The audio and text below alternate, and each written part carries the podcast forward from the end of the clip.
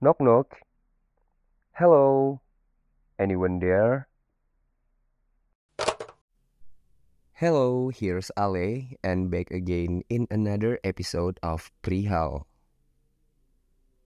Kali ini kita mau overthinking overthinkingan lagi nih. Siapa sih yang gak rindu sama mantannya? Yang gak kangen sama mantannya? Orang yang dulu pernah lo sayang banget. Orang yang dulu jadi tempat lo manja-manjaan. Dan banyak kenangan-kenangan indah yang udah lo buat nih sama mantan. Iya nggak sih?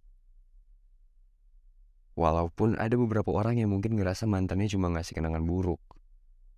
Tapi kan seburuk-buruknya mantan, gak mungkin kan dia cuma ngasih kenangan buruk. Pasti ada baiknya juga. Walaupun buruknya udah ngebutain mata lo.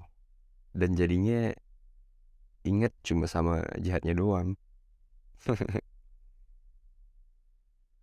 Walaupun lo bilang lo udah punya pacar baru, lo udah punya gebetan baru, lo pergi ke restoran mewah, tempat jalan-jalan yang indah, ke mana pun lah untuk seneng-seneng. Pasti ada tuh kilasan balik tentang mantan yang buat lo keingat lagi sama kenangan-kenangan itu. Misalnya nih, lo makan berdua, candlelight dinner, lo keinget lo dulu pernah makan berdua juga bareng mantan memang kedengaran toksik sih. Tapi kebanyakan, pasti banyak sih yang ngerasa gitu. Harusnya hal-hal kayak gini yang harus kita biasain. Berawal dari pura-pura lupa, mana tahu jadi lupa beneran. Dan gak jarang pastinya banyak sih yang masih ngarep sama mantan. Berharap mantan yang ngubungin dia. Berharap ada momen bisa deket lagi nih sama mantannya. Gak salah sih. Tapi apa lu yakin? Mantan yang udah ninggalin lu gitu aja. Mantan yang udah pergi dari lo dan buat lo patah sepatah-patahnya. Ngebiarin lo memperbaikin hati sendiri. Ngebiarin lo sendiri dan beradaptasi pada kesedihan. Dan anehnya, masih banyak yang berharap pada orang yang udah buat lo sehancur itu. Lucu parah sih.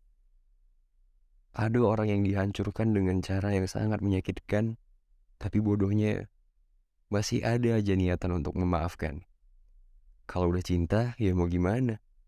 Tapi mungkin sebenarnya dari sudut pandang gue sendiri ya, sebenarnya lo cuma rindu sama kenangan yang pernah terjadi di masa lalu. Sama mantan yang dulu, bukan yang sekarang. Mantan yang masih nganggap lo segalanya buat dia mantan lo yang masih sayang sama lo apa adanya. Dan hanya karena dia menyesal, hanya karena dia sedih, dia balik ke lo lagi.